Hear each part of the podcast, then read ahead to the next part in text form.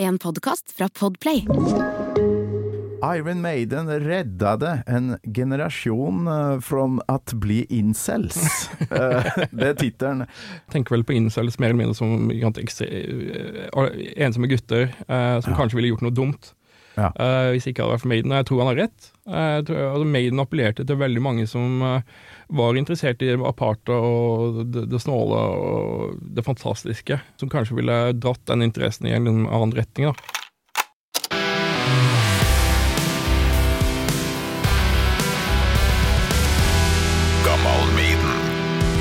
Du sa du hadde laget over 150 episoder, var det ikke? Ja, nærmer seg 150. ja. Men eh, nå er jeg faen meg nysgjerrig på hva- slags gjester du har hatt der.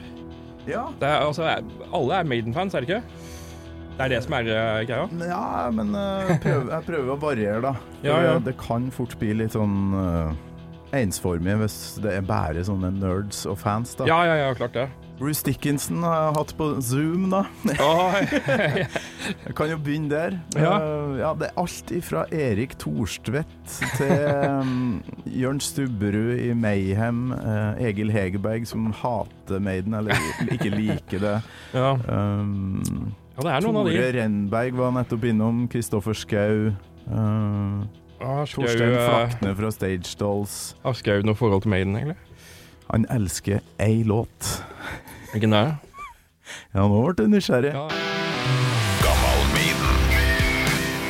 Med Torkil Thorsvik. Ingenting forhold til Maiden, jeg.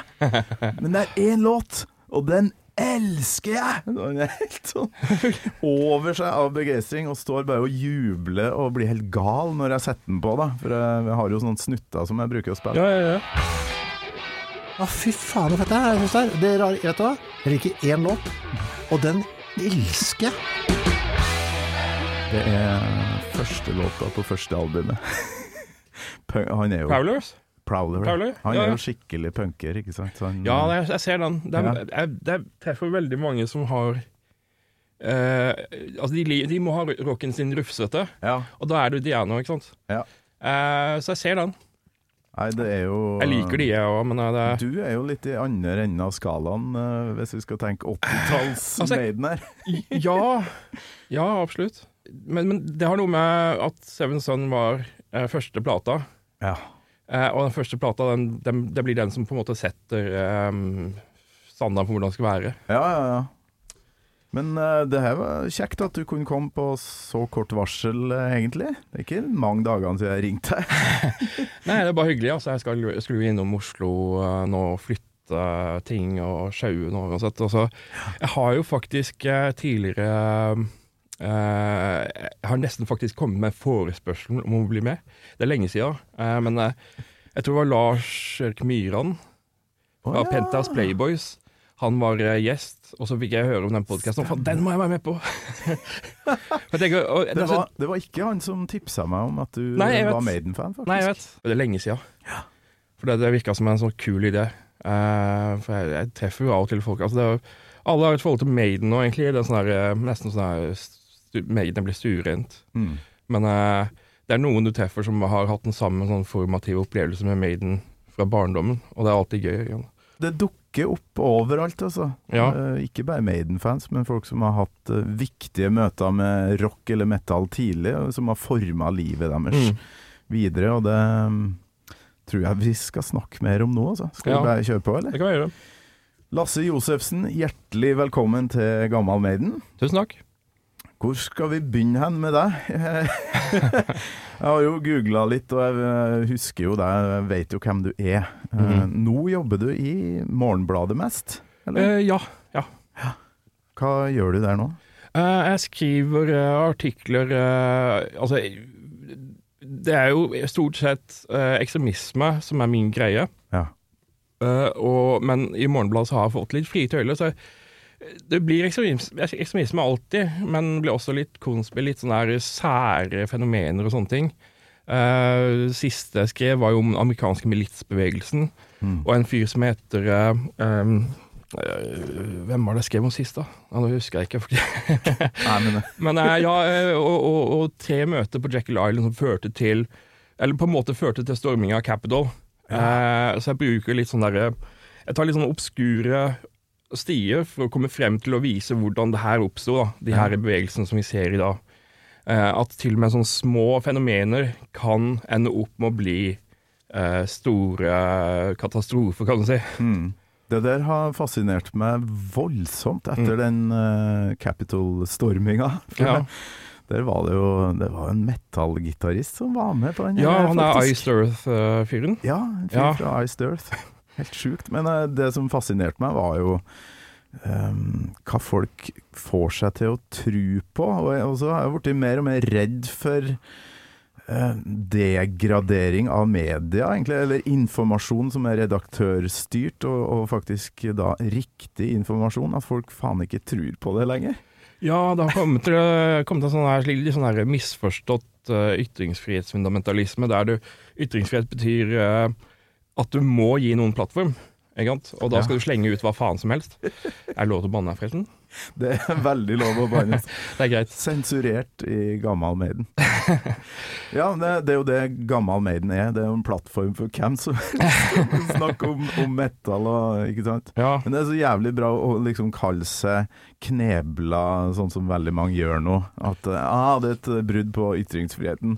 ja. Og så setter de på sin egen podkast og, og sier det. ja det er litt sprøtt. Ikke sant? Altså, ytringsfrihet pleide jo å bety at uh, du kan si uh, stort sett hva du vil, bortsett fra trusler og, og oppfordringer til vold og sånne ting. Ja. uh, uten at du liksom skal få juridiske konsekvenser, uten at staten skal gripe inn og sånne ting. Men det betyr ikke at du skal få liksom en plattform her og der. At du skal få liksom leie et bibliotek til å ha en pressekonferanse for å annonsere at uh, du gir ut en bok om uh, the great replacement-teorien. Mm. Det, det, det begynner å bli litt sånn rart at liksom all samtale skal opphøyes til, til vanlig samtale, ikke sant? Og Ja. det, nei.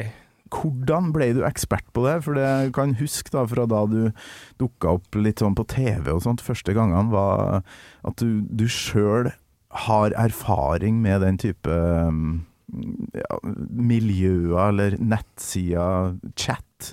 Ja. Forklar. jeg er ikke så Nei, altså, inni det. Det er en historie som på en måte har fått Det har blitt sånn der eh, En fjær har blitt til fem høns, eller hva det nå heter. Um, sånn, eh, I begynnelsen da jeg intervjuet, så var jeg litt sånn der eh, Jeg var litt Jeg var ikke så nøye på sitatsjekken. Eh, Så hvis en journalist kalte meg liksom, tidligere troll, eller noen sånne ting, så tenkte jeg sånn Ja, det jeg holdt på med var kanskje litt sånn trollaktig, så bare lot jeg det gå. Ja. Og det var litt dumt, for det er de tinga begynner å hjemsøke meg nå. ikke sant? Ja. Så nå er det sånn der, nå må jeg passe på at hver eneste journalist er nøye på å skrive at jeg aldri har vært nazi, aldri har vært incel, aldri har vært liksom sånne ting. Det var noe helt annet. Uh, men um, det som var greia, var jo at eh, jeg, jeg var involvert med noen personer i USA, noen motkulturelle personer. Okay. Og det var et slags miljø som var besto av alle slags typer radikale mennesker. Og noen var ekstreme, noen var radikale, noen var uh, på en helt annen planet. Uh, Venstreradikale, høyreekstreme. Det var, det var liksom uh, veldig sært mye okkultister og den type ting. Og, og, men noen av de personene endte opp med å bli liksom lederskikkelser i, i det som ble alt-right-bevegelsen. Okay. Um, og, og så, altså for eksempel, jeg skrev et par år for um, Gavin McGinnis, som i dag er eh, kjent for å ha starta Proud Boys. Proud Boys. Ja. ja. men før det så var han jo kjent for å være hipsternes gudfar. Uh, for han, han var eh, grunnlegger av Vice, Vice Magazine, Oh, ja. som i dag er på en måte er liksom en medieimperie. Uh, som er i ferd med å gå konk, vel å merke. Ikke sant? Uh, men um, Proud, han Proud Boys, da ser jeg for meg det bevæpna, altså de er veldig opptatt av våpen og eh, retten til å forsvare seg sjøl. Ja, Proud Boys de har altså I opprinnelsen var det ikke de så veldig opptatt av våpen. Altså, de var en slags, slags sånn derre Uh, en slags sånn drikkebrorskap, og de likte å slåss med Antifa og sånne ting. Uh, men ikke sant, og Gavin, som er et kjøtthue, ikke sant, tror han kan starte en sånn klubb, og så at det kan bare uh, At det bare kommer til å forbli en liten slåssgjeng. Eh, nei. Når du lager en sånn klubb, så tiltrekker du deg veldig mange rare møll. Og, og nå ser du at det er det er jo nå ble nettopp eh, Fire stykker fra ledelsen ble, ble, er blitt dømt for storminga. Ja. Så, og de var jo i fortroppen. Altså De første som brøt uh, de her sperringene foran Capitol, var Proud Boys. Og, og uh, han ene, du ser han der Jeg husker ikke navnet hans, men uh, er Proud Boy som tar et politiskjold som han har rappa, og knuser et vindu på, i, i Capitol, og går inn. Ok. Så ja, de var høyst involvert. Og De var koordinerte òg til en viss grad. De hadde walkietalkies og liksom samkjørte med andre. Og de, de samarbeida med Oathkeepers, med en annen milits. Eh, så ja, de, de, de Var det den storminga, var det flere forskjellige grupperinger? For jeg mener jo at det var en del sånn QAnon-tryner der òg. Ja, eh, det, det var veldig mange. Og det, jeg husker jeg så Jeg fikk en melding fra min mor når det her skjedde, eh, for jeg hadde egentlig, var egentlig bakfull. og, lå og hadde, skulle slappe av for kvelden, og så bare Uh, Jeg var jo ikke kveld, jeg husker ikke om det var kveld eller morgen, men uh, min mor sendte meg en melding om at nå, nå stormer de Capital. Ja. Og jeg tenkte hva faen, kødder du? Hva som foregår? Gjør de det endelig? Ja. Er det Boogaloo? Endelig? Endelig. Uh, og så tar jeg på TV og internett og alt det her foran meg, alle skjermene, og følger med da, og prøver å finne ut hvor i huleste jeg skal liksom Hvor får jeg den beste informasjonen? Og så ser jeg det her folkehavet, da. Så ser jeg jeg ser Kekkistan-flagget, jeg ser Proud Boys, jeg ser Oath Keepers, jeg ser eh, Three Percenters jeg ser, Det er som alle som jeg har fulgt med på opp igjennom, har liksom samla seg der, da. Og jeg bare tenker å faen, hva skal jeg skrive om nå? Det her blir jo Det er jo alle sammen liksom på ett sted. Du har Nick Fuentes, du har Baked Alaska, du har alle de her personlighetene. Og det bare Det kokte i hodet mitt, da. Ja. Men hva, hva er fellesnevneren deres? At de ikke tror på den virkelige verden, eller mainstream media, som de kanskje kaller det? Ja, det er jo en fellesnevner. Det er noe som går igjen hele tida. Eh, men du, du har jo også altså Der hadde du alt fra mainstream konservative eh, til, til de som er helt aparte og nynazister. ikke? Mm. Eh, Men det er jo det som er litt av problemet, at mainstream konservatisme i USA er nå så gjennomsyra av slagg fra, fra ytre høyrekant Ja. at det er nesten umulig å skille det. Eh, Trump har på en måte åpna slusene da, til noe som ikke skulle skje. Uh, og, og den der andelen av fornuftige republikanere nå er så liten uh, at den nesten ikke er til å regnes med. Mm. Når du liksom kom i kontakt med de her, for nå da ser man jo for seg, kanskje fordi man har lest de artiklene du snakker om, at uh, der sitter du en sånn woman hater som ikke får seg noe, ikke sant, og hater alt, og, og er redd for muslimer, og ikke sant, tror på alt av konspi, da. Mm. Uh, Var du nå i nærheten av det, eller? Nei, Hvordan kom du inn i det da, liksom? Nei, altså jeg var eh, interessert i aparte fenomener, litt sånn her det sære, det ekstreme. Altså jeg tror det er veldig mange metal-huer som kjenner seg igjen. Mm. Altså Metal er jo per definisjon det er jo litt ekstremt. Det er jo litt på utkanten. Lefle om litt store ideer eh, om, om opprør og, og hele pakka der. Eh, og, og, og det okkulte, selvfølgelig, og det, og det sære og det bisarre, esoterika. Og det var jo, jeg var opptatt av det siden jeg var liten. Mm. Eh, og lese alt jeg kunne komme over da. Og når internett kom, så, så fikk man liksom mulighet til å ta kontakt med mange av de her eh, ekstreme personene. Uh, mange av de spennende og, og ganske glupe personer som Ja. kanskje lever i en annen virkelighet enn det du gjør, men har liksom allikevel er spennende stemmer. Så jeg tok jo kontakt med uh, diverse, og oppretta på en måte et nettverk da, utafor Norge, over nettet. Eh, og, og det endte jo opp med liksom at jeg hadde folk rundt meg da, som var ganske radikale, eh, og, og som, som, som på en måte ble starta der, eh, og, og rulla det i gang. da. Eh, og Gauven er jo bare én av de, selvfølgelig, men han er jo den jeg blir mest knytta til. Og han som er på en måte blitt mest kjent nå. Eh, alle har et forhold til Vice, på en måte, enten man vil eller ikke. Jobber man liksom i en gratisavis med liksom den der eh, litt ironiske, eh, tøffe tonen, så, så har man liksom litt av DNA-et til Gavin i seg, da, hvis man skriver den. Ja. Um, så ja.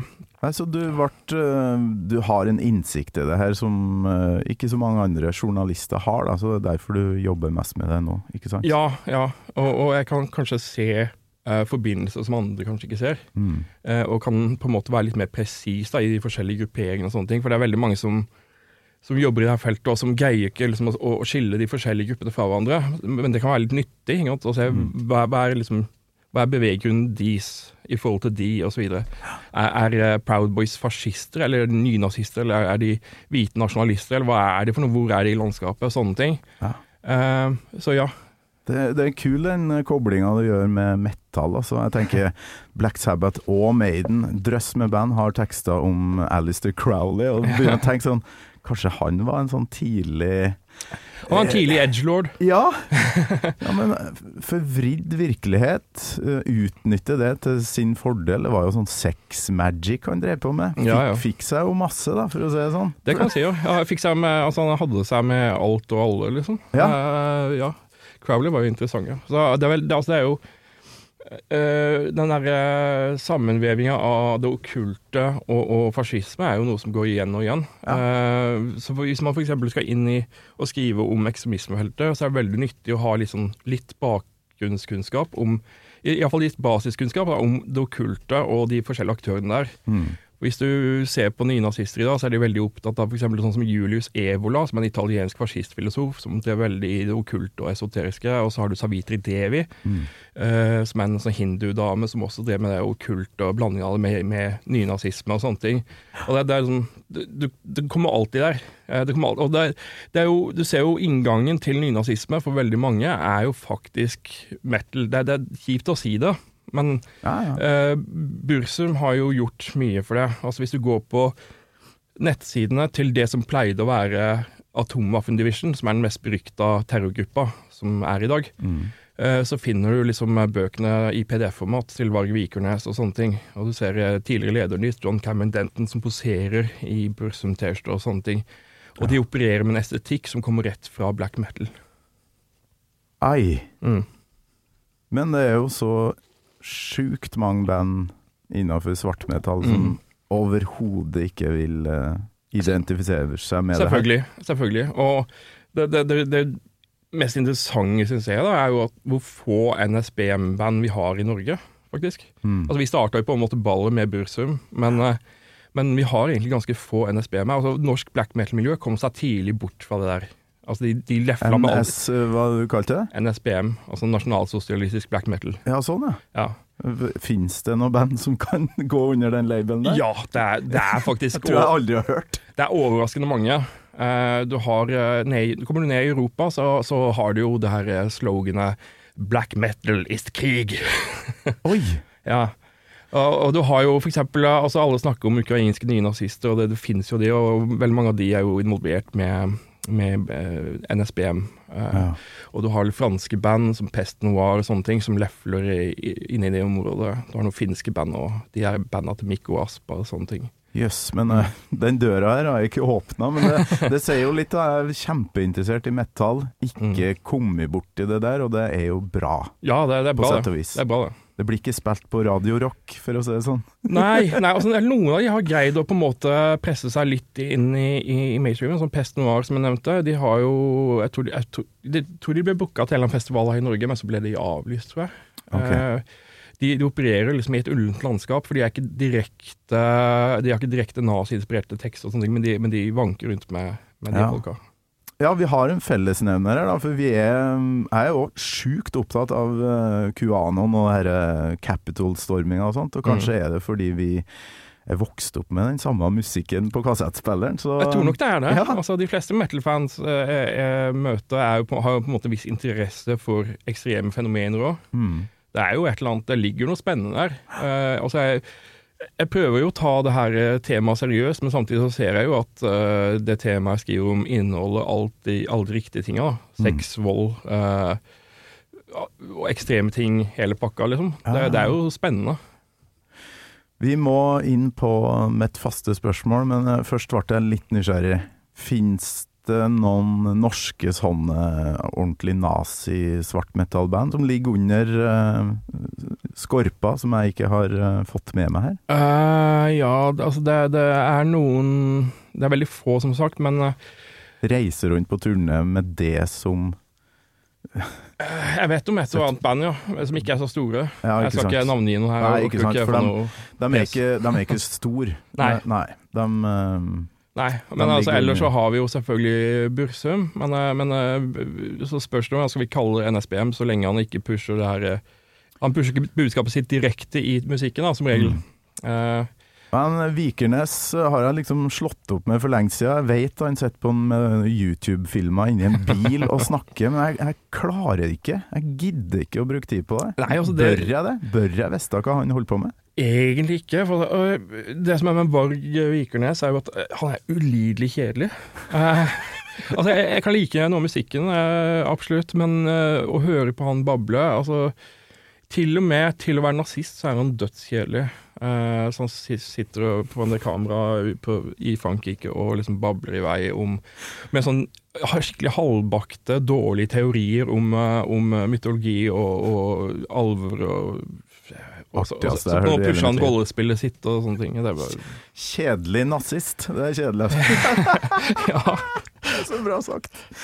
Ja, nei, for det, Når man begynner å gjøre seg interessant med å snakke om det som skjedde på 90-tallet og sånn, da Nei, da trykker jeg pause, og så finner jeg en, en gammel Maiden-video å se på isteden. ja, ja, ja. Så nå skal vi dit, um, Lasse. Mm. Husker du første gangen du hørte uh, Iron Maiden?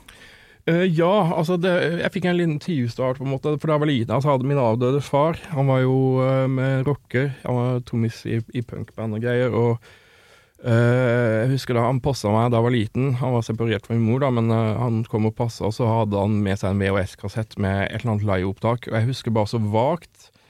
Jeg ble vettskremt. Det var en live-video med Maiden. Jeg, innbiller meg at det kan ha vært Maiden England, den der fra Seven Son-turneen. Ja. Og jeg husker bare det der Eddie kom ut på scenen. Med det så det, og jeg greide ikke fatte hvordan det var mulig. Det måtte, det måtte være ekte. Jeg skjønte det ikke. Og jeg, jeg, ble skremt. Og jeg husker jeg hadde en kompis som het Amir, som så på det. Han var han, 'Det er et spøkelse! Det er et spøkelse!' Og jeg husker at vi begge liksom ble, det, her, det her er det villeste jeg har sett. Uh, så, så, men jeg visste ikke at det var Maiden på den tida. Uh, men så, ja, så hadde jeg en liksom barndom sånn, opp til seks-sju år. Da var det sånn Eh, vi hadde en uh, Knutsen og Ludvigsen-plate, vi hadde Fraglene-plate og sånne ting. Og det er knallplater. Jeg elsker Knutsen og Ludvigsen fremdeles. Ah, fy det, er, det er pur popmagi, ikke sant. Men Hei, absolutt hele Juba Juba. Altså. Det, er Ja. et, det er ikke et kjedelig sekund på det albumet. Nei, det er helt fantastisk. Eh, jeg hører på den fremdeles. Ja, samme her. Eh, men så Bortsett eh, fra at nå har de endra den gamle eh, N-ordet-marsjen. Ja. Har du hørt det? Ja. På eh, Spotify. det er nok sant, ja. Jeg eh. synger fistel, og Ludvigsen han synger bass. Å ja, Ja, de har endra teksten på den. Åh. Og jeg snakka med Øystein Dolmen uh, nylig, Ja. bare for jeg har lagt merke til det. Du, Ja. er du som har sunget inn det? Så bare, ja, gjort det. Han likte det ikke helt, men det var han da, som Nei, jeg hadde vært det. i studio. Og, og det høres jævlig bra ut. da Det er godt Ja. gjort, faktisk, å, å synge så likt som sin egen stemme på 80-tallet. Jeg synger fistel, og Ludvigsen han synger bass.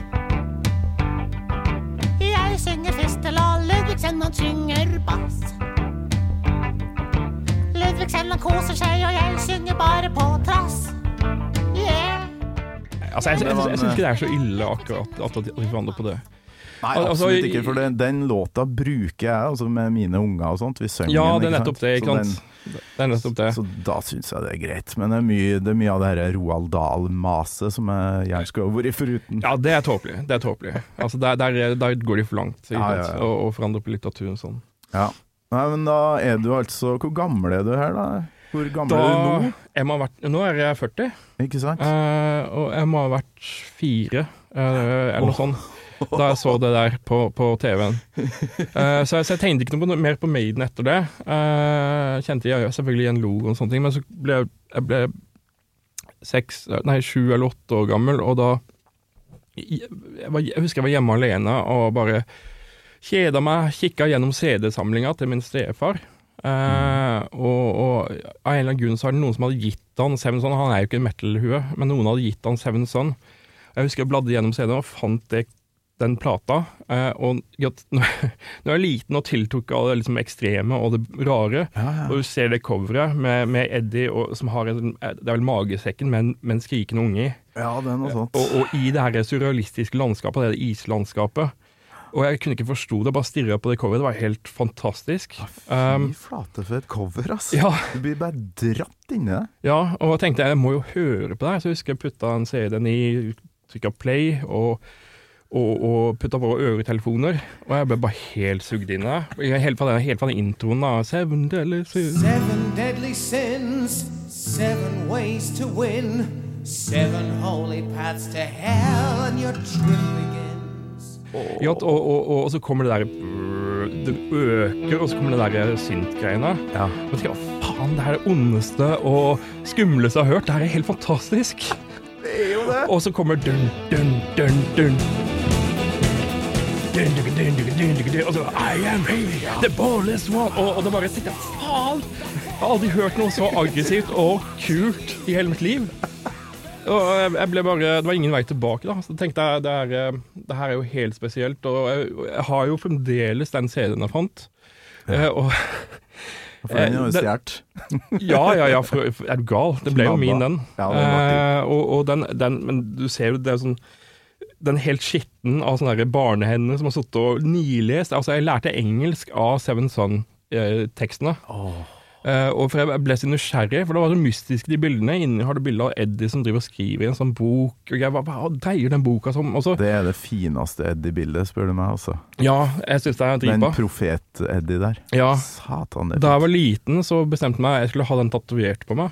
Mm. Men jeg kom jo aldri så langt. Jeg har bestemt meg for ikke tatovering, da, men ja. Det er, Samme her. eh. Hvis jeg skulle ha hatt en eh, Eddie på kroppen, så hadde better det blitt den, altså. definitivt her òg. Med de to stearinlysene her. Ja. Jævel på den ene sida og engel på den andre. ja, altså Fantastisk. Derek Riggs han, han gikk jo bananas med det coveret der. Ja. Eh, det, det er de bildene der. Også.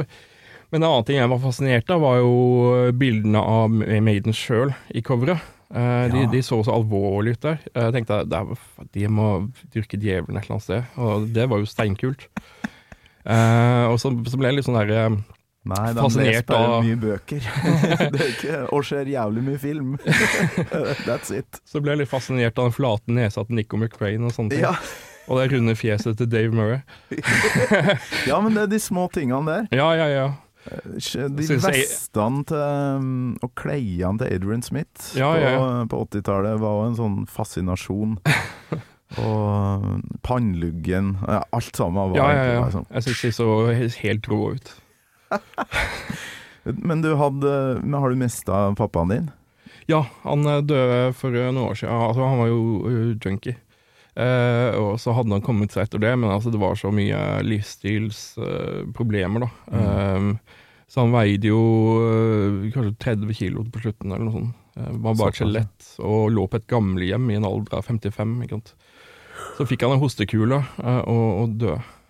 Eh, så ja. Da var det ikke mye krefter igjen. Nei, det var ingenting igjen. Uh, så jeg, jeg tror det var, det var vel egentlig like greit. Jeg tror han, han sovna fredelig inn, mer eller mindre. Ja. Uh, min bestemor sa at han så veldig fredelig ut der på slutten. Så han var narkoman i ja, han var narkoman mesteparten av livet sitt. Au. Mm. Men likevel hadde han litt kontakt med dere eh, den perioden du fikk sett Maiden på VHS. Ja, ja altså han var jo mitt idol da jeg vokste opp. Altså han var jo, han var jo trommis i et sånn der Jeg våger å kalle det legendarisk postpunkband som heter Brød og sirkus fra Arendal. Ja. Som var eh, tidlig ute med sånne antifascistiske tekster, f.eks. Uh, advarte mot høyre-radikale strømninger og sånne ting. Og det, var, veldig sånn dystert, Joy Division-inspirert og sånne ting. Og det, det er litt kult. Oi. Mm. Ordentlig rockepappa. Mm. Det var, og husker jeg, hvis jeg traff ham på gata og sånne ting, han gikk ut i, i militærboots og, og skinnjakke og sånne ting, han bare tenkte åh, det er ingen som ser kulere ut enn min far. Det er kult, da. Ja, ja, ja. Så du har de gode minnene der. Ja da, jeg har masse gode minner om han, egentlig. Jeg var en bra fyr. Men var det liksom musikkmiljøet som fikk han ut på feil eh, sti der, eller? Altså, det er vanskelig å si. Altså, han kom jo fra et ganske uh, hardt hjem. Altså, foreldrene hans var jo øh, rusmisbrukere igjen. Å ja. Ja. Ok. Så han opplevde nok mye dritt. uh, og husker jo eh, eh, eh, Han var jo i militæret og, og likte det veldig godt. Hadde lyst til å bli yrkesmilitær, men det kunne han ikke. eller. Eh, så, så da gikk han tilbake til, til den andre livsstilen sin. Hmm. Og det tenker jeg på. Altså, jeg har jo ADHD, og det har antageligvis for han. Uh, og jeg også kunne liksom trengt noe sånn orden og disiplin i livet mitt. Jeg tror det har gjort meg ganske bra som, Ja. i, i, sånn, eh, i den sammenhengen. For du har vært gjest i ADHD-podkasten til din gode venn Espen Thoresen. Ja. Den episoden har jeg ikke fått hørt ennå, men eh, var det bra, eller? Ja, jeg har ikke hørt den Jeg husker ikke hva jeg snakka om, men ja, det synes jeg var litt Jeg husker ikke hva du om. Det er interessant. om. Det er alltid gøy, sånn som med denne podkasten her, og med den med Espen Thoresen, så er det litt gøy å snakke om andre ting enn en bare det jeg vanligvis snakker om. Ja, Eh, samtidig som det har en sammenheng, da. Det er mange som sier det når de kommer hit, at det, å, det var deilig å snakke om noe jeg har, som jeg har en ordentlig lidenskap for. For det er ikke så ofte man blir bedt om å, å snakke om f.eks. Maiden. da. Ja, ja, ja. Men òg egentlig grunnen til denne lille digresjonen er jo at farsfigurer blir jo mer og mer viktige da, sånn psykolo i Mm. psykologien. Mm. Eh, og hva er årsaken til at man blir ekstrem, setter seg på nett og blir ekstrem, ikke sant? Og Mm. kanskje eh, ja, eh, pappa manglende pappafigur, eller sånne ting òg har eh, Det er jo mange av de ekstreme folka ser på, de, de er jo veldig opptatt av nettopp det der med, med oppløsning av kjernefamilien og sånne ting. Ja. Uh, for eksempel incels eh, og folk fra manosfæren, de ser jo på den seksuelle revolusjonen som en sånn stor katastrofe. Eh, fordi det oppløser kjernefamilien, og det frigjorde kvinner til å liksom kunne til å kunne velge hvem de ville, da, og sånne ting. Eh, og og da, er det, da blir det en sånn fri seksualøkonomi, et brutalt seksual, seksualmarked, der, eh, der det er noen vinnere og noen tapere. Ja. Eh, og incel ser på seg selv som taperne i denne frie seksualøkonomien. Seksualøkonomi, altså. Det her er så langt fra min uh, virkelighet. For, ja, altså Jeg tenker at uh, hvis man har kommet dit at man kaller det seksualøkonomi, da har man tenkt for mye, istedenfor å bare gå ut på byen og få seg, Ja, få seg noe. det, det, det er noe som kjennetegner veldig mange av de jeg ser på, er at de har tenkt for mye, eh, og, og tenkt for dårlig. Ja. Og, og så har de bare gått ut i en helt vill bane. Uh, altså det, det, mange av de ekstreme jeg ser på, det er jo sånn du- kjenner igjen et sånn korn av sannhet baki der, men så har de bare dratt det altfor langt. Og gir ingen bremser på de her tankerekkene sine. Nei, det er akkurat det. Så går det galt, ikke sant? og så du, sitter du der og begynner å gauke om jødemakt og, og kvinner, kveg og hele pakka der. Nei, men uh, hvor, hvor var vi hen? Vi var på, i, i guttestadiet. Nå har du fått tak i Seven Son som din første. Ja. Får du da tak i resten av eh, katalogen og, uh, og kjøre på? På en måte, Uh, fordi at uh, min avdøde onkel som spilte i band med min far, han hadde en solid platesamling. Altså han døde også av rusmisbruk, eller ja, Uff da. overdose. Det var voldsomt. Ja.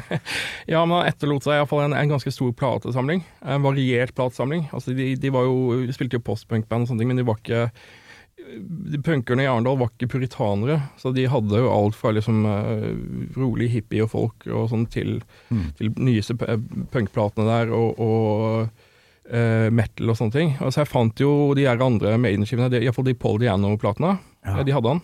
Ja. Jeg tror noen andre hadde vært i samlinga hans og stjålet Number of the Beast og de andre, men eh, de hadde to, to første. Mm. Så jeg fant jo de, og det var jo radikalt annerledes. Men eh, ja, jeg elska det òg. Men så eh, tenkte jeg jo et nytt fiks, da. Jeg tenkte en ny Maiden. og det var på den tida da jeg på en måte opp, var nyfrelst Maiden-fan, så kom Fear of the Dark. Mm.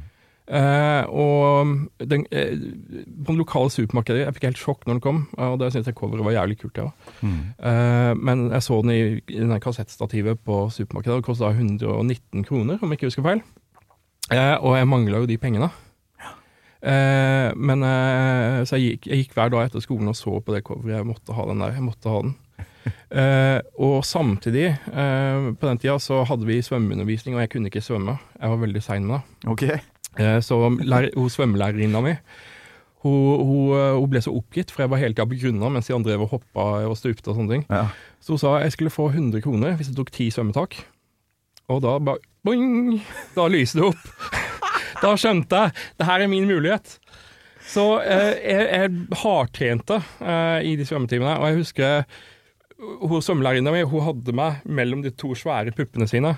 Lille hodet mitt, forskremt, og der svøm, lå plaska baklengs. Og jeg tenkte det her er verdt det, det her er verdt det, det her er verdt det. Eh, og til slutt så greide jeg faktisk å ta ti svømmetak på grunna. Og da, da løp jeg hjem med den hundrelappen. Eh, og så fikk jeg rett og slett de resterende 19 kronene til å kunne løpe ned på supermarkedet og kjøpe Fear of Dark på kassett.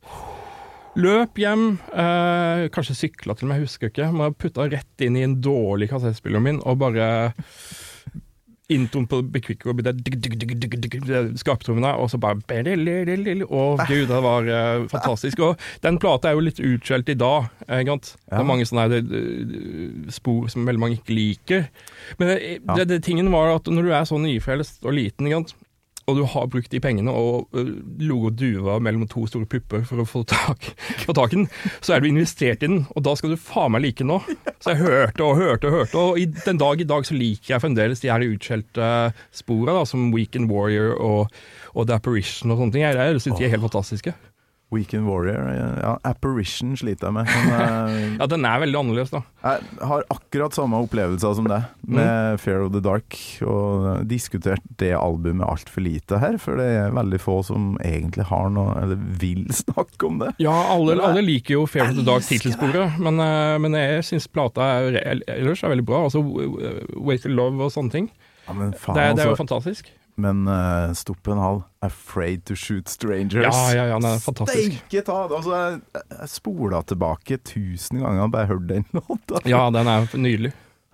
De melodiene i gitaren der, og Ja, jeg oppbygninga av den. Ja, jeg skjønner ikke hvorfor de ikke spiller den uh, live nå, men jeg tror ikke de gjør det på. Jeg har ikke kommet meg på mine egne konserter uh, i, i de siste åra, men Det er Eh. lenge siden de har spilt den, ja. Men uh... altså de, de der eh, gitarpartiene i midten her, det er jo allsangmulighet, liksom. Det Ja.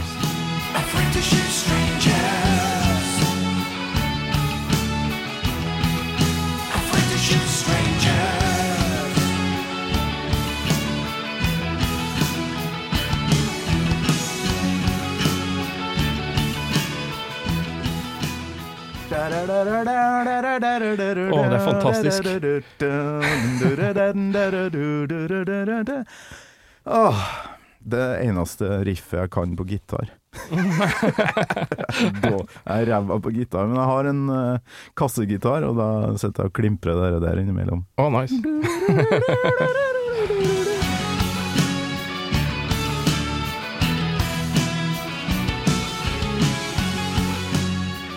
Det er tror jeg, en sånn keltisk, noe sånn urmusikalsk i, i det riffet der. Eller, Ja, ja. ja, melodiene i 'Afraid to Shoot Strangers'. Ja. Og, og det meste av det Maiden har gjort, egentlig. Ja, faktisk. ja. Men uh, apropos deep cut, det var jo egentlig The Prophecy du, du sa når jeg spurte hvilken låt skal vi snakke litt ekstra om, eh, Lasse? Ja, altså jeg valgte jo uh, først, første Prophecy, for det, jeg mener at det, det er så Alle snakker om, det, om de andre sangene på den plata, men The Prophecy blir nesten aldri nevnt, merker jeg. Eh, og jeg syns den er så original og så fet. Helt sjukt Eh, bra og, låt. og, og, og at det går rett fra første refreng og, og, og, og, og rett over til der solopartiet. Mm.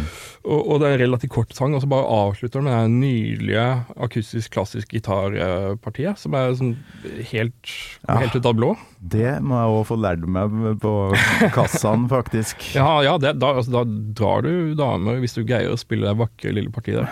Jeg fant uh, Tror det var på YouTube at den lå på, i loop. For Åh. Jeg, jeg syns det er for kort, det som er på plata. Helt enig, helt enig. Jeg har så lyst til å høre det igjen og igjen og igjen. Ja, ja, ja. Hvem er det som spiller det partiet? Er det to gitarer? Høres ut som det er en bass der òg. Ja, det er kanskje det. Ja. nå fikk jeg lyst til å høre det, da. Jeg må se om jeg finner, finner det. Mm. Jeg regner med det er Dave Murray. Mm. For det er han som har vært med å skrive låta, ikke det? Jo, det er kanskje det.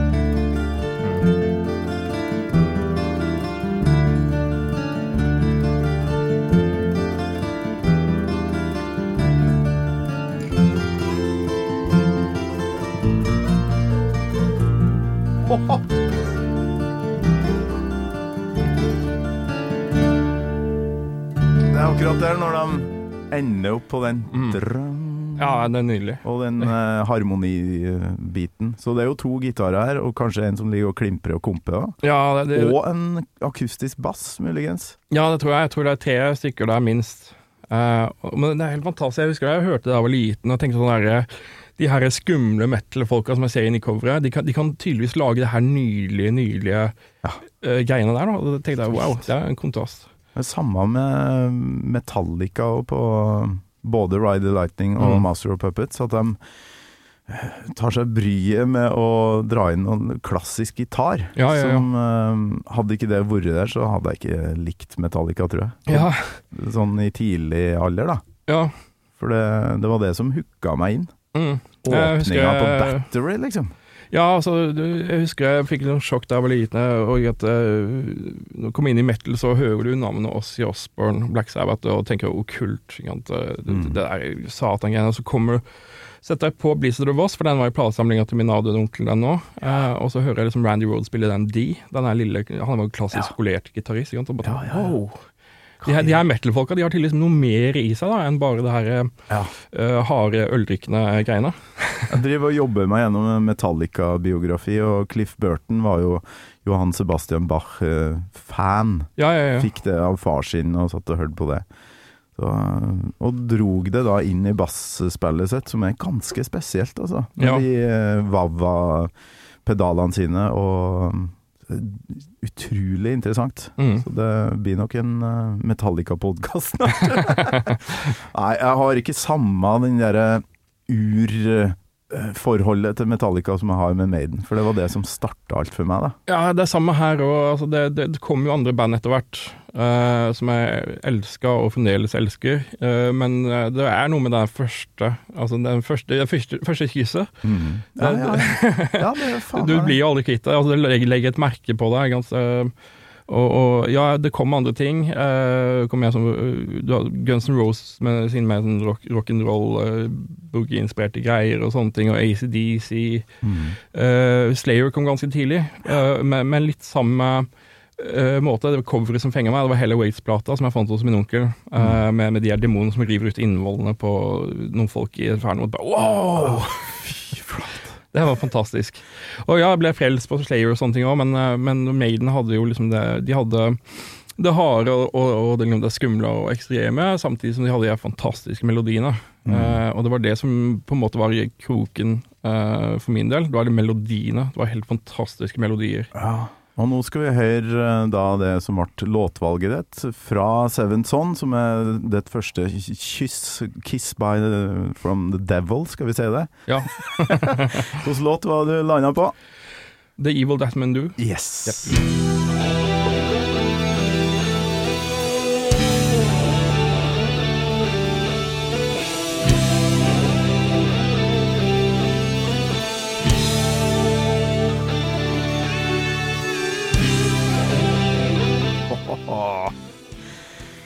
Nesten litt for perfekt med tanke på det du jobber med nå.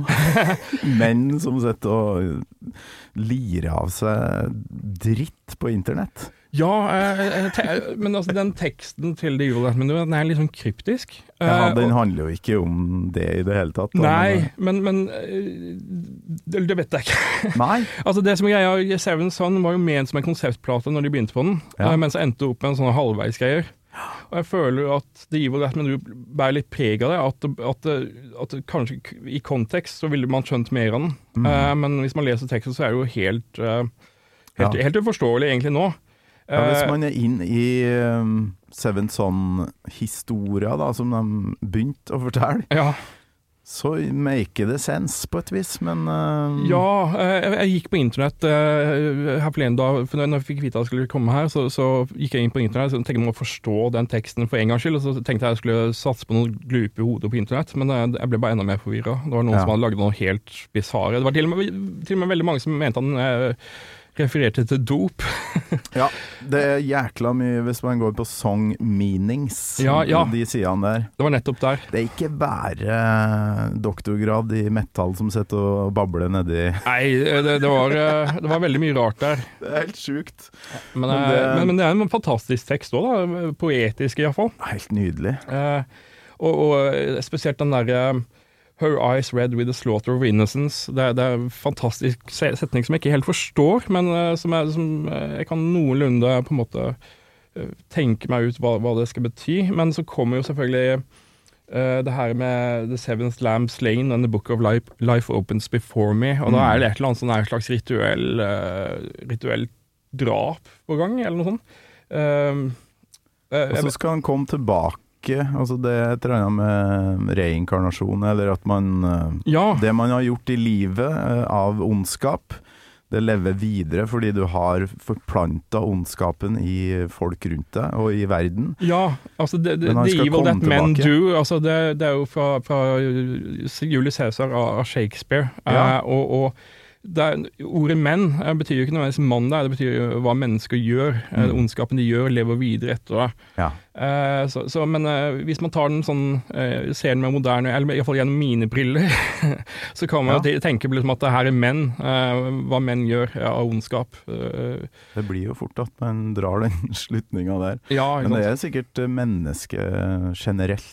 Ja, det tror jeg nok. Shakespeare snakker om, da. Men når Shakespeare skrev det, så var det menn som skapte historien. Så da, da blir det nesten til at det blir mannen, hva menn gjør. Det blir jo det. Mm. Uh, sitatet fant jeg jo på Wiki i dag. The evil that men do live, lives after them. Mm. The good is oft interred with their bones.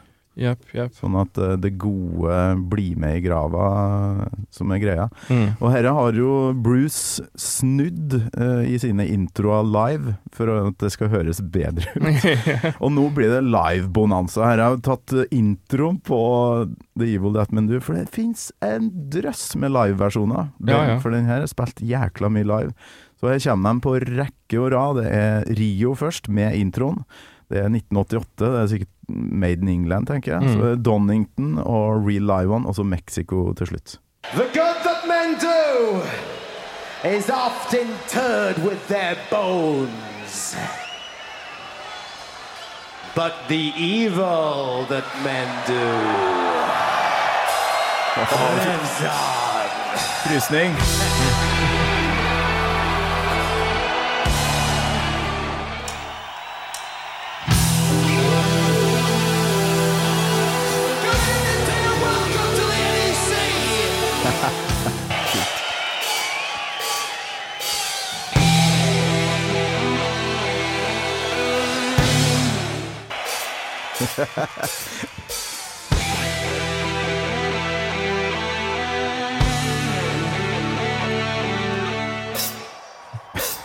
Nerding, altså.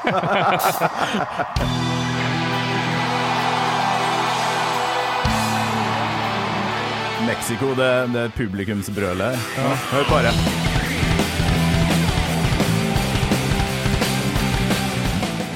Det her er noe nylig, altså.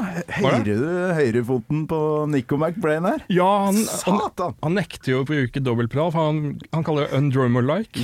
det er så fett. Han har visst gjort det én gang, har jeg hørt rykter om. Ja, han beit uh, de sure epla. Ja.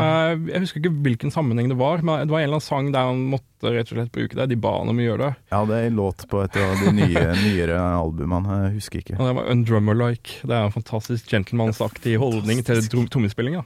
Men fellesnevneren her er jo Selv om det er ganske ræva lyd på A Real Live One, syns jeg. Mm.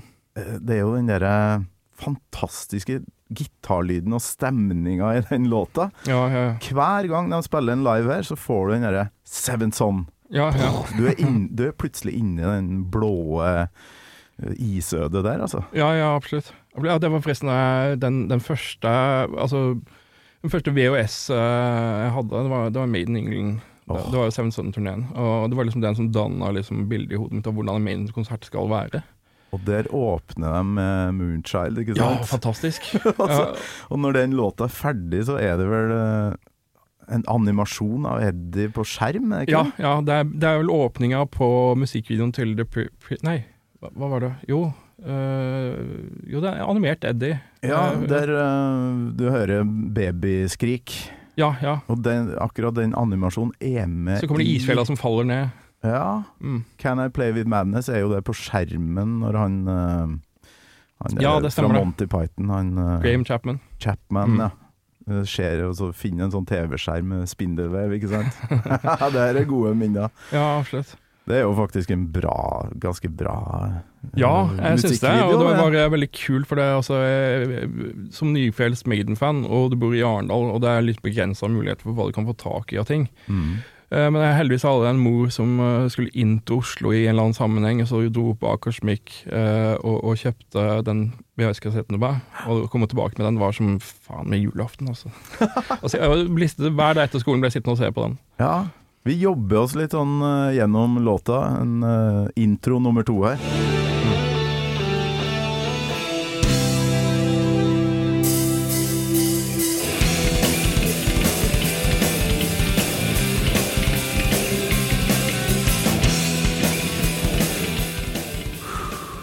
Du har jo allerede tatt oss gjennom åpninga på Moonchild. Du har Mm. snakka varmt om eh, outroen på eh, Prophecy, men eh, ja, hvorfor la- landa du på den her da, til slutt?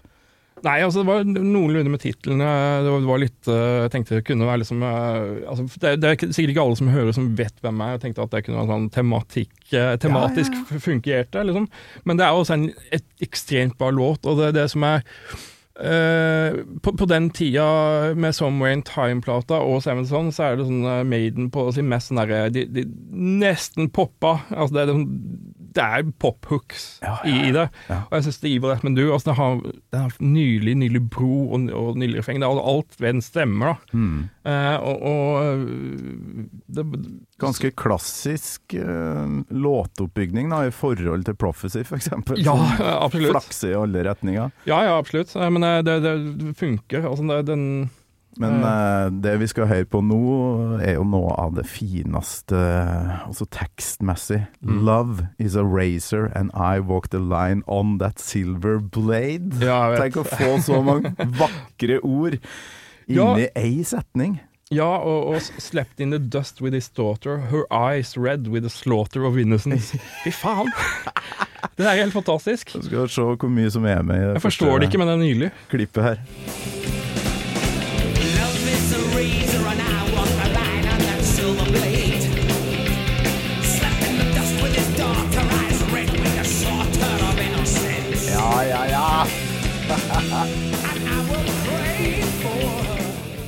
I will call her name out loud. Ja, det, altså, det, du har alt det her perverse som skjer, da. Det er rituelle ofringer og, og slaughter of innocence og sånne ting. Men så har du de her eh, ekstremt uh, sterke kjærlighetsbudskapene. Det er en eller annen som tydeligvis er, han ikke greier å få ut av hodet. Eller altså Ja. eh, Det er en kjærlighetshistorie da, på en eller annen pervers måte.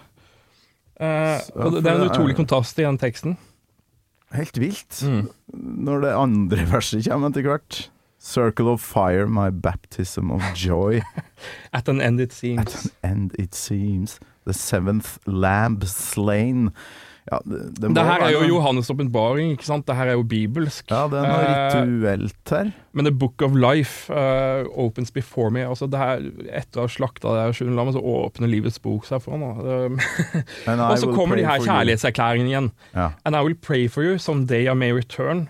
Don't you cry for me, beyond this where I learn. Altså, faen, det her er jo ekstreme kontraster, da. Ja, og da tenker jeg at da eh, ligger en for døden og skal At en liksom i det neste Ja, eh, det, lærer noe han går jo til din komme side, tilbake. da, gjennom sløret, og der, der skal han endelig lære. Ja. Det, det er en gno, gnostisk tekst, kanskje? Jeg vet ikke. Ungsamtalen fra DNB er økonomisk veiledning tilpasset deg som er ung. Bokk en ungsamtale på dnb.no. ung. Ok, det var jo en syk døll måte å forklare ungsamtalen på, da. En smart prat om penga mine, ville jeg sagt. Ikke sånn kjedelig økonomisprat, skjønner du. 20 nye sparetips hos Kiwi. Dette er mitt sparetips. Nyheten First Price kjøttdeig svin uten tilsatt vann og salt. Garantert billigst i Kiwi. Nå får du First Price kjøttdeig av svin til 29,90, First Price bacon til 21,90 og mange andre First Price-nyheter hos Kiwi. You're listening to a podcast. I'm Bruce Dickinson. You're not. And you're listening to Gamal Maiden.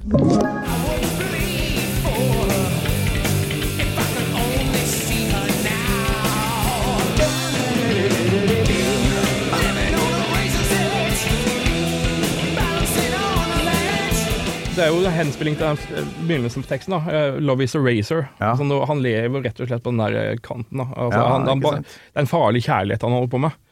Eh, Den derre dama eventuelt som han eh, elsker, er kanskje ikke den tryggeste skapningen på planeten. Om det er noe menneskelig ved henne i det hele tatt. Sant? Hvis man tenker på tekst, altså man tenker på konseptet i Seven Son, da, det er jo det er mye okkult der. Det er mye med Gud og Satan og, og Gud Mm. som på en måte river og sliter i sjelen til denne eh, sjuende sønnen. eh, av den sjuende sønnen. Eh, og, og han er tydeligvis Han blir revet i filler da, av, av begge parter. Begge parter vil ha, en, ha han. Mm. Uh, og, og kjeften hans, eventuelt. Ja, klarsynt uh, enn ikke det? Ja, ja. eh, Blir vel det, i hvert fall. Ja, det er jo Det, det spiller jo på den myten, og øh, det er en gammel myte om at den sjuende sønnen av den sjuende sønn eh, vil bli eh, klarsynt, clairvoyant. Mm. Og så kommer jo refrenget.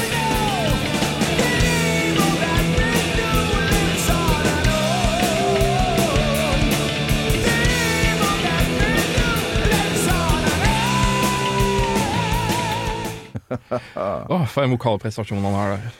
Det som var greia med, med, med denne siste perioden da, av, av denne 80-tallsmaiden, eh, med, med 'Summer in Time' og, og Sevenson, eh, det var den kontroversielle bruken av keyboards. Ja. Uh, Og jeg, jeg elsker den, for jeg syns Maiden bruker keyboard så, så smakfullt. Ja. Eh, det blir sånn, bare en ekstra tekstur i Mm. lydbildet. Det er ikke noe dominerende. Og jeg syns det funker helt perfekt, iallfall med de der pophooksa som de har på de platene. Er Og med, med, når de har Adrian Smith, da, som, som er, eh, på en måte lager eh, Han, har, han er jo naturlig popmusiker, men det, da. Altså, når du hører på de der eh, Hva heter den der fra Den outtake fra enten Seven Son eller Summer in Time, jeg husker ikke hva den heter. Men uh, der de lot han gå altfor langt inn i popterritoriet, og de bare Nei, det her kan vi ikke. Jeg husker ikke hva den heter, en B-side. Ja. Ja, det- det- jeg liker den, jeg liker den, jeg elsker den. Ja, den som han søng sjøl?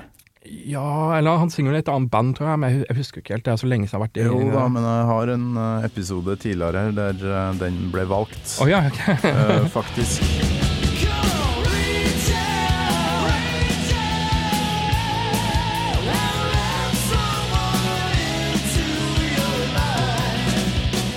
Jeg syns jo det er dritbra. Ja, det er dritbra. Men, men jeg skjønner hvorfor de på en måte Nei, det her blir for uh, Det blir litt for langt utafor Maiden. Vi må høre soloen hans, rett og slett. Ja, ja, ja. Hør på det her.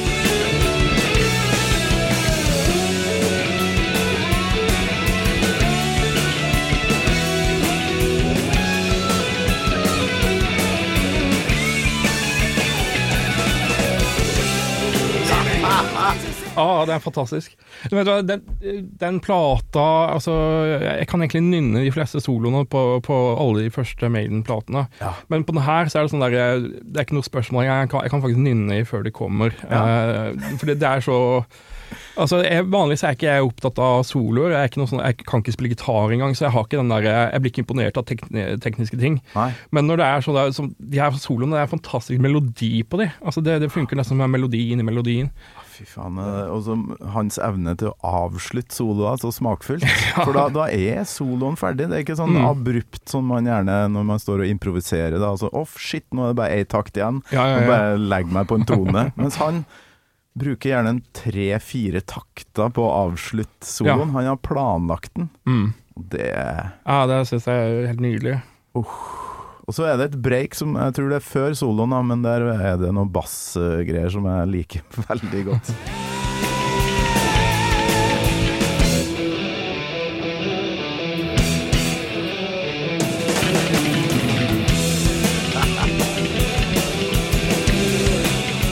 Det er bra, det er en ganske clean låt. Mm. Veldig sånn eh, to the point spilt inn. Mm. Men av og til så får Steve eh, lov til å bare Og Ja. bare gjøre hva og leke seg, da. Da jeg var liten, så forsto jeg liksom ikke hvordan et band funka, og jeg tenkte ikke over hva bass var, og hva de gjorde. Men med med Maiden så plutselig forsto jeg greia, for bassen til Steve Harris det er så spesiell, da. Altså, Ja. du, du kjenner det igjen, hvor det er en Steve Harris-bass, og da plutselig skjønte jeg hva bassen faktisk gjør i et band. Mm.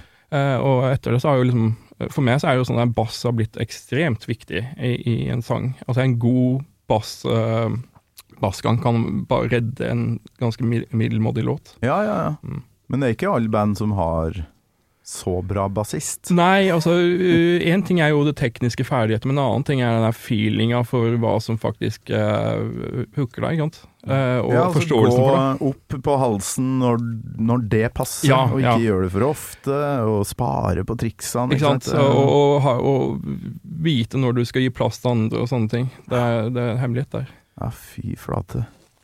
Jeg hadde jo en episode med trommisen til Slash, som Mm. må ha spilt med en drøss med folk. Brent Fitz, tror jeg han heter. Mm. Um, han har jo spilt inn en, en coverversjon av Evil That Men Do. Um, skal vi se om jeg finner et klipp av uh, Det er jo med masse kjente musikere, jeg husker ikke hvem det er, men uh, det blir noe annet når andre synger det, for å si det sånn. Ja, ja. hør på det her.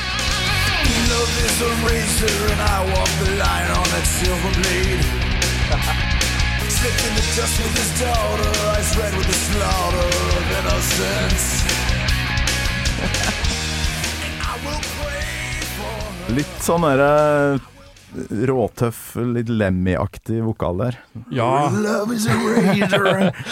ja, det var jo litt annerledes, men eh, ja, det er sikkert kult, det òg. Ja. Da, da jeg eh, I går så søkte jeg på The Evil That Men du øh, eh, på, på nettet, og så jeg googla det, og så fant jeg, fant jeg ut at eh, Who Sampled har vært borti den nettsida. Det er veldig nyttig. Eh, du ser hvem er det som har sampla hvem og sånne ting. Og sånn, ja. Fant jeg ut at Evil du var der, men det er fordi noen har covra den. Så fant jeg ut at det var noe som Jeg vet da faen hvor de var fra, men eh, det var Iron Marley som blanda reggae og Maiden-låter eller noen sånne Jeg Og laget en slags Det var japansk reggae-band som har covra Maiden. Iron Marley. Jeg forsto ikke Iron Marley! ja, de har fått putta introen inn i en slags medley. Oh, Tenkte, det, det var helt perverst. Jeg hørte litt på det, det, er grus, det var grusomt. Men eh, ja, ja. Det, Send meg en link, da. Det må Jeg det. det må faktisk uh, få Ja.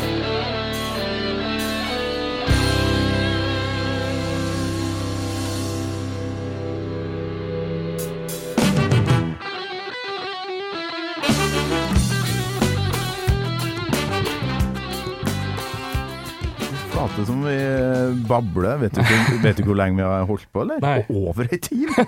Det har gått fort, eh, Lasse. Ja. Um, vi må høre avslutninga, som òg er rimelig episk på Evil That Men Do.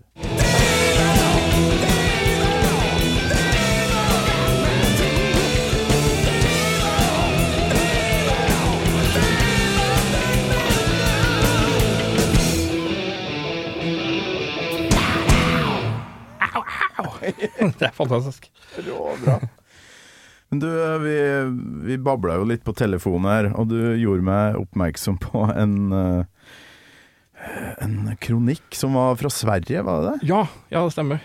Det er jo litt artig med tanke på Men det du eh, jeg fikk ikke tilgang til den nå, så jeg fikk ikke sjekka den igjen. Men, Men du har jeg, mener, jeg mener å huske at den var ganske kul. Ja. Uh, skal vi se om jeg får den opp. Tittelen er i hvert fall som følger fra Göteborgs, Göteborgsposten. Iron Maiden reddade en generasjon fra från att bli incels. Eh, det er tittelen. Jeg får ikke opp hvem som har skrevet. Er det journalist? Det er en journalist, ja. ja. men det er jo en kommentar kommentar, en kronikk. Eh, og jeg, jeg, som sagt får jeg ikke lest den nå, men jeg husker jeg leste den og var ganske interessant. Og jeg skjønner hva han vil. Det Incel-fenomenet eh, eksisterte ikke da, eh, og han tenker vel på incels mer eller mindre som eh, ensomme gutter som som kanskje ville gjort noe dumt. Ja. Eh, hvis ikke hadde vært for Maiden. Og jeg tror han har rett. Eh, tror, altså Maiden appellerte til veldig mange som eh, var interessert i aparte og det, det snåle og det fantastiske. eh, og som kanskje ville dratt den interessen i en annen retning. da. Maiden ga et samhold. De vokser ikke ensomme lenger. Eh, og sånn er det jo gjerne. Og jeg savner jo litt det med i dag med eh, oppløsninga av subkulturer, som jeg syns har vært litt usunn. Altså Mm. det, eh, det er greit nok, nå, nå skal det ikke være forskjell på pop og metal og sånne ting lenger. Det skal liksom være alt skal være en smørje, like greit alt sammen. Men det var det med, med subkulturer, selv om de kunne være aldri så, så eh, undertrykkende på en måte, og, og innsnevrende, så hadde de også Det var noe viktig med de. Altså, det danna en karakter hos de som deltok i det. At man fikk lage sitt eget univers. Som på en måte trente deg opp til å takle resten av samfunnet etter hvert. Ja. Eh, for det, det oppstår en sånn eh, fantastisk greie når man har noe sammen med andre raringer med samme interesse, som, som jeg på en måte savner litt i dag. At man kanskje kunne vært sunt med litt sånne der subkulturelle interesser igjen. Altså, jeg tenker liksom, eh, ikke bare metal, men jeg tenker sånn når, når eh, hardcore-punken oppsto i USA, og, og du får sånne forskjellige miljøer i forskjellige byer, og du ser for sånn Ian Mackay og, og de folka fra Minor Threat og Fugazi og sånne ting, og de sitter der og faktisk bretter sine egne platecover, for de har fått trykka sin egen singel, og så sender de ut til fans, og de bytter med hverandre over i post og sånne ting. Ja, Det er sånn her, du altså det, det her var gründere eh, på en sånn veldig rar, punkete nivå. Mm. Og, og, og jeg tenker det her eh, var veldig sunt, da, at man lager sitt eget univers, lager sin egen virkelighet, istedenfor å ta del i, i det her samfunnet som kanskje ikke vil ha deg uansett. Black, sånn, black metal-miljøet var jo akkurat sånn. Ja, ikke sant? Eh, Kassett, sender sende brev, lange brev med sånn der Mm. Å, fy faen, hør på dere. Nettopp, og jeg tror sånne ting eh, forsvinner litt nå. Eh, og de eneste gangene jeg ser det igjen nå, er eh, hos f.eks.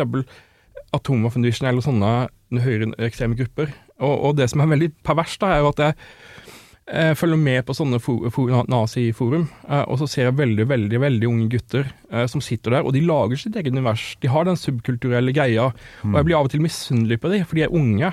Jeg er 40 år gammel nå, sant? jeg er helt vrak. Og de her unge guttene som går inn med all entusiasme og bygger sitt eget univers da, og forsker ut på det her. Og jeg misunner de. Eh, Selvfølgelig så har de dratt i en helt feil retning. Mm. Men hvis du hadde tatt den kreativiteten da, og den der entusiasmen og, og, som de på en måte pusher inn i det, og, og de hadde kanalisert det på en sunn måte, så hadde de vært ustoppelige. Altså. Det, det, Ja. ja, men det Hadde ikke jeg sittet på biblioteket og prøvd å finne ut hva, en jernjomfru egentlig var for noe, Nettopp. eh, for eksempel. Mm. Hadde ikke jeg sittet og mala treskilt med Iron Maiden-logo, Lærte lært meg å tegne Eddie, eh, sett alle filmene låtene handler om Hadde ikke jeg hatt dere der, Mm. så, og det hadde stått en eller annen fyr, fyr på et hjørne og sagt pst, det, det finnes noe som heter nazisme, er du med, eller? Altså, det, Ja, nå skjønner du hva jeg mener? Ja, ja, nettopp. Jeg, jeg kan gi den tittelen i den uh, svenske artikkelen litt rett, da. Ja, ja, jeg skjønner hvor han vil den. Ja. Eh, og, og, ja, jeg, så jeg syns kronikken var kul. da. Jeg skjønner hva han vil.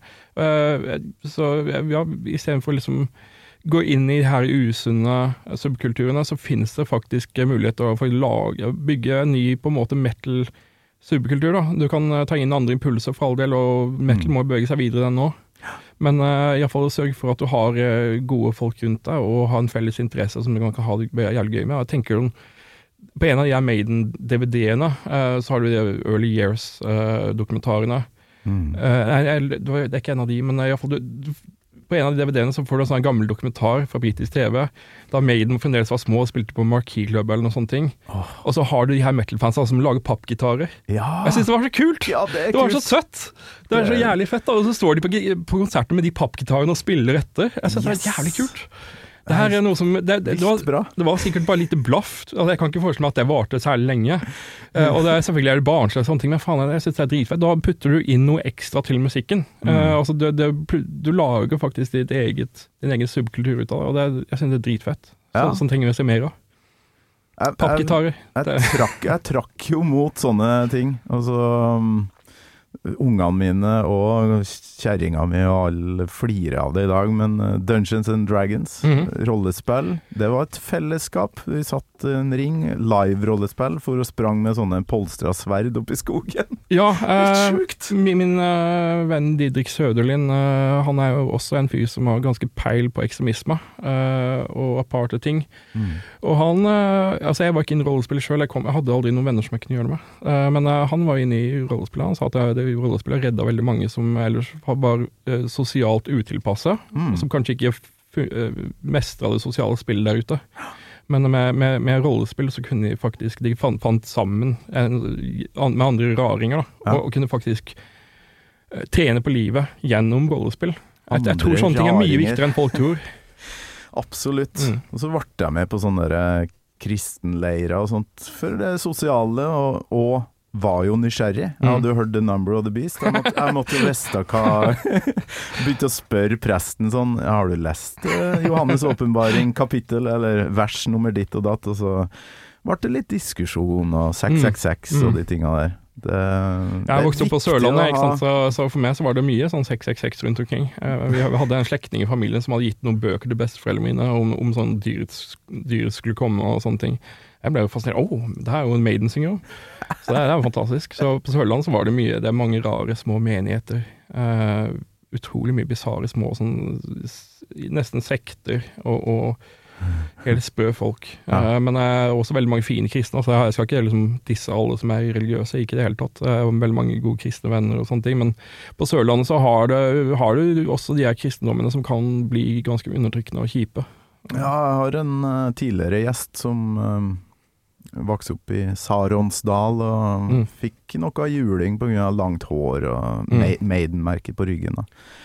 Og det, det er så modig, det, å gå inn der Ja. med ryggmerket der det står Iron Maiden. Da, har du, da er du faen meg fan, ass. Ja, men det er, det er, det er fantastisk. Altså, det, er, det er et ultimat opprør i, en sånn, i et sånt miljø. Ja, Ja.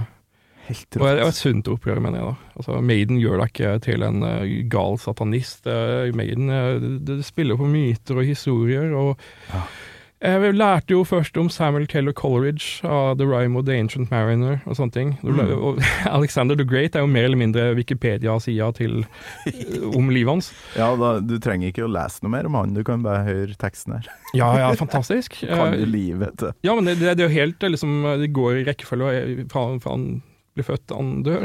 Ja. Og det, du trenger ikke noe mer heller. Eh, Så pumper du inn en sånn episk eh, refreng, Mm. eh, og, og så bare Ja, fantastisk.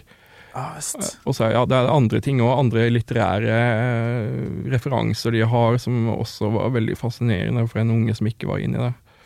Jeg prøver å komme på hele navnet på han tidligere Tidligere gjesten som vokste opp i Hvor er Saronsdal, egentlig? Er ikke det Kvinesdal?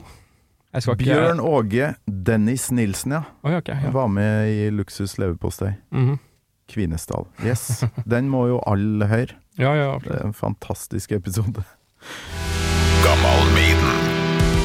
Vi hadde jo et øvingslokale senere som var lenger oppe i bygda. Okay. Ok.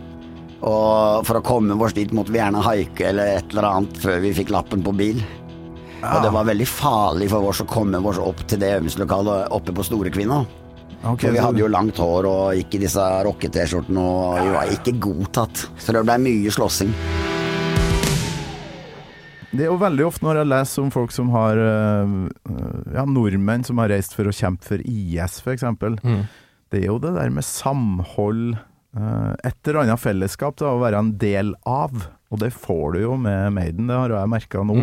Eh, Ikke bare i barndommen, men har jo faen meg fått en hel klan her på 140 mennesker som har vært innom. Ja, ja, ja. Ja, ja. Det, er, ja det, er, det er helt utrolig. Uh, så, så du skal aldri undervurdere de her tilsynelatende uviktige eh, små liksom, subkulturene eller sånne ting, og bare avskrive det som at det er kun en T-skjorte med en kul logo og litt sånn fengende musikk. Det er noe mer enn det, det er noe større. Mm. Til slutt, Lasse. Jeg har jo unger, gutta. gutter. Tre Mm. gutter. Hva bør jeg passe på? Ja, gi de Maiden så tidlig som mulig. Ja, la, la Maiden. Ta det før fotballen gjør det. Eh, men eh, jo, altså eh, Jeg vet ikke. Reduser skjermtid så mye som mulig. Eh. Jeg føler Jeg har ikke noe gode råd å gi til folk. Jeg er mye flinkere til å peke på problemer enn å gi løsninger nå. Mm. Eh, Men jeg skjønner at folk begynner å bli bekymra, for det, er, altså, det begynner å bli yngre og yngre, de som går inn i de her eh, ekstreme greiene. Og det er så mange muligheter for å gå og tråkke feil på internettet. Og jeg er veldig glad for at jeg, hvert altså jeg er såpass gammel at eh, tenåra mine var fri fra internett i stor grad. Mm.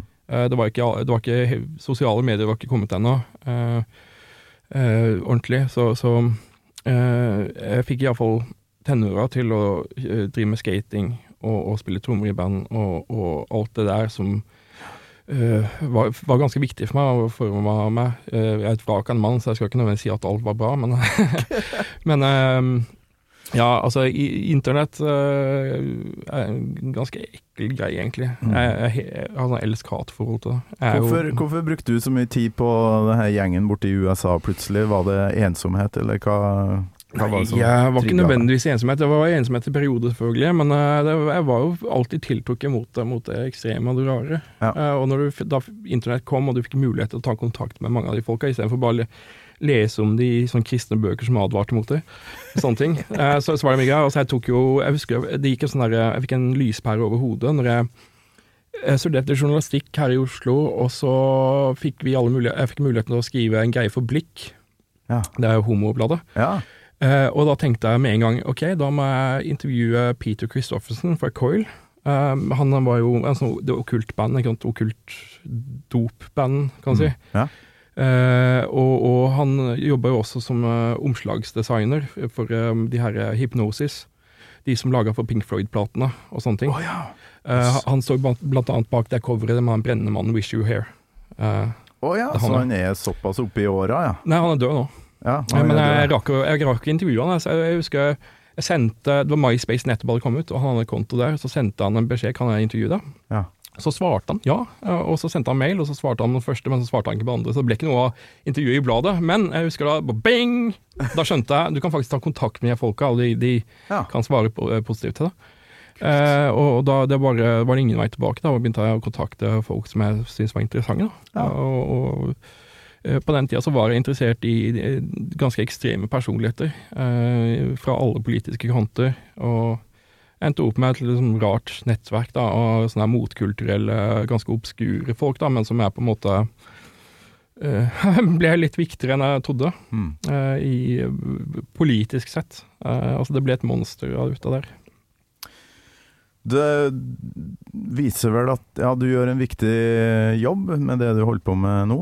Og så ønsker jeg deg lykke til med flytting, for du måtte plutselig ut fra kåken din i Oslo her. Ja, jeg skal bli Arendal litt igjen. Jeg skal tilbake til Arendal. Ja. eh, Tilbake til stedet jeg ble født, til Rugeplassen. Eh, Det kan bli hyggelig, det. Men jeg har noen eh, besteforeldre som jeg må ta vare på. Eh, Og ja, det, det kan gå være godt å komme seg ut av Oslo i litt år. Og da kommer du jo til episenteret, der du hørte Seventh Son for første gang. Nettopp. nettopp. Skal faktisk bo i, i den der kjelleren som eh, der eh, platesamlinga til min avdøde onkel er. Eh, så, så da er det tilbake til røttene. Ja, det blir godt. Mm. Det blir godt. Du, hjertelig takk for at du tok turen innom. Bare hyggelig. Det har vært langt, men veldig bra. Håper du har kosa deg. Ja, kos meg veldig. Takk for besøket. Gammal Maiden med Torkel Thorsvik. En podkast fra Radio Rock.